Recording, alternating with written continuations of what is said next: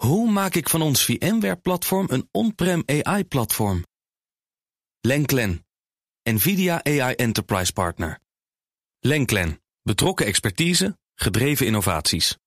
Tech Update. De tech-update komt van Mats Akkerman vandaag. Hey Mats. Goedemiddag.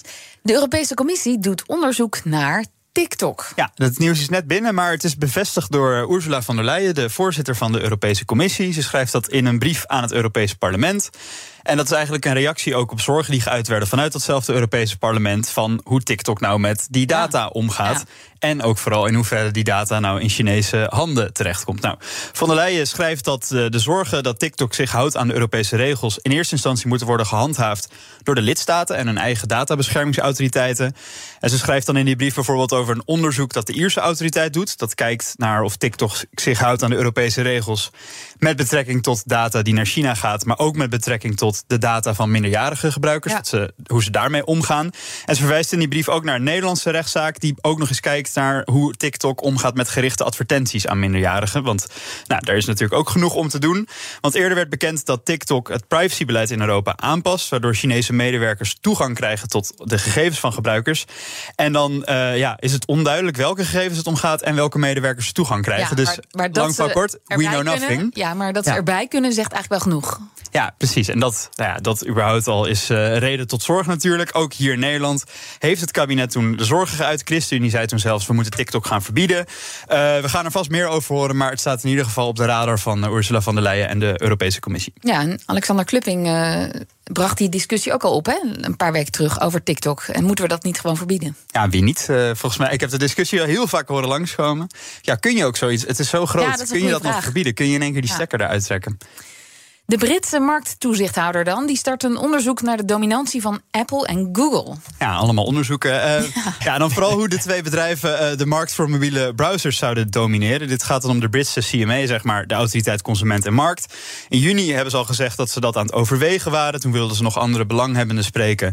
Dat hebben ze nu gedaan en dus komt er nu een onderzoek naar Apple en Google. En ze kijken dan of de mobiele browsers van die twee bedrijven op je telefoon. Uh, daar kijken ze naar. Want bij Apple moet je bijvoorbeeld dan uh, Safari hebben. En bij Mhm. Android-telefoons zit er eigenlijk altijd Google uh, Chrome op. Ja. Ja, en belanghebbenden zeggen daarover dat het slecht is voor hun eigen bedrijfsvoering. En dat het innovatie tegengaat. Ze klagen dan bijvoorbeeld dat het hogere kosten oplevert. Omdat ze dan die webpagina's zo moeten maken dat het past met die browser. Maar dat het dan soms niet werkt. En dat ze dan maar een app moeten maken in plaats van een browser. Dat kost weer tijd. Nou ja, goed. Dat zijn, dat zijn de klachten. En daarom komt er nu dus een onderzoek. En bij Apple wordt er nog iets onderzocht. Ja, ze kijken ook nog hoe Apple dan omgaat met cloud gaming. Want Apple zou dat alleen toestaan als beide apparaten van de gebruiker zijn en verbonden met hetzelfde wifi-netwerk. Nou, dat zou zorgen voor beperkingen waardoor de branche weer minder hard uh, groeit. En dat zou ook sommige gamers buitensluiten. Dus daar kijken ze ook nog naar. En wat zeggen Apple en Google zelf? Nou, die zeggen dat ze die beperkingen opleggen omdat het noodzakelijk is om de gegevens van hun gebruikers te kunnen beschermen. Dus dat is hun verweer. Dus hiermee moet dat nu gaan bekijken, kijken of er extra regels nodig zijn. En we kunnen er nog wel even op wachten, want zo'n onderzoek duurt meestal anderhalf jaar. Ah, nou, dan even nog even. En dan nog even luisteren naar deze bekende stem. Welcome to Smart Assistant. I will help you find a product which suits your needs. Let me ask you a few questions. Ja, dit is Alexa. De spraakassistent van Amazon. Die bestaat bijna tien jaar. Maar die is nog nooit winstgevend geweest. Verbaast mij toch. Uh, ja, dat, is, ja, dat verbaasde mij ook. En het, het valt ook behoorlijk tegen. Want volgens Business Insider zou Amazon dit jaar alleen al mogelijk 10 miljard verlies gaan maken op Alexa. En dat is dus alleen dit jaar. Uh, om het te blijven ontwikkelen en om het te blijven ondersteunen, zeg maar. Dat er mensen achter zitten. Ja. Nou, Business Insider heeft daarvoor gesproken met werknemers en oud-werknemers van Amazon, van de hardwareafdeling. Die zeggen dat daar een crisis gaande is. Want dat elk plan om uh, geld te kunnen verdienen met Alexa, dat het allemaal mislukt is.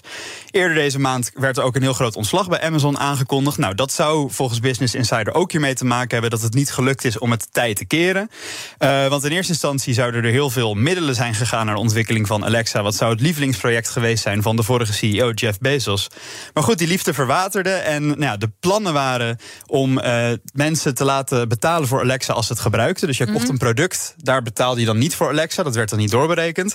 Maar dan dachten ze van, nou, als mensen dan een pizza of een uur Uber met Alexa bestellen, dan gaan we er op die manier wel Aha. winst uit halen. Ze hadden heel veel plannen. En eigenlijk zijn die allemaal mislukt. En daardoor is het totaal niet winstgevend. En is het dus nog maar de vraag of Amazon er zoveel geld en tijd in gaat blijven Maar steken. kan het niet de wet van de remmende voorsprong zijn? Dat uiteindelijk, eh, als jij de, de beste dienst hebt, dus Google verslaat met, met zijn assistent en Samsung met de andere assistent, dat je dan uiteindelijk geld gaat verdienen. Ja, dat zou je denken. Nou ja, ja, Alexa is wel een hele goede natuurlijk. Hij staat wel bekend als beter dan bijvoorbeeld Siri. Maar eh, ja, blijkbaar kost het gewoon heel veel om te zorgen dat het goed functioneert. Hè. Je moet allemaal mensen opzetten, zo'n hele grote technische afdeling oprichten. om dat systeem goed werkend te houden. En ja, als er dan nergens op een of andere manier een euro binnenkomt. Dan, eh, ja, dan houdt het toch ergens op, hoe, En- hoe innovatief je ook bent. En Google Home en Google Nest, dat is op een of andere manier natuurlijk ook een hele grote concurren- concurrentie geweest, zeker in Europa. Ja. En eh, ja, wat ik net al zei, Siri, en je hebt er nog wel meer. Ik ken ze eigenlijk niet allemaal, maar... eh, Weet je trouwens, ik ben van de feitjes. Weet je waarom eh, Alexa Alexa heet? nee, dat weet Naar ik niet. naar de dochter van. Nee, nee naar, die is vernoemd naar de bibliotheek eh, van Alexandrië. Het is een Kijk. alwetende bibliotheek, dus vandaar dat het Alexa Dat is wel Oh, weer ja. mooi. Dat is Ja, daar kom ik nooit, dus dat, eh, dan val ik weer door de mand. Dat is wel mooier dan Google Home. Dankjewel, tech-redacteur Mats Akkerman. De BNR Tech Update wordt mede mogelijk gemaakt door Lenklen. Lenklen. Betrokken expertise, gedreven resultaat. Hoe maak ik van ons VMware-platform een on-prem AI-platform? Lenklen. NVIDIA AI Enterprise Partner. Lenklen. Betrokken expertise, gedreven innovaties.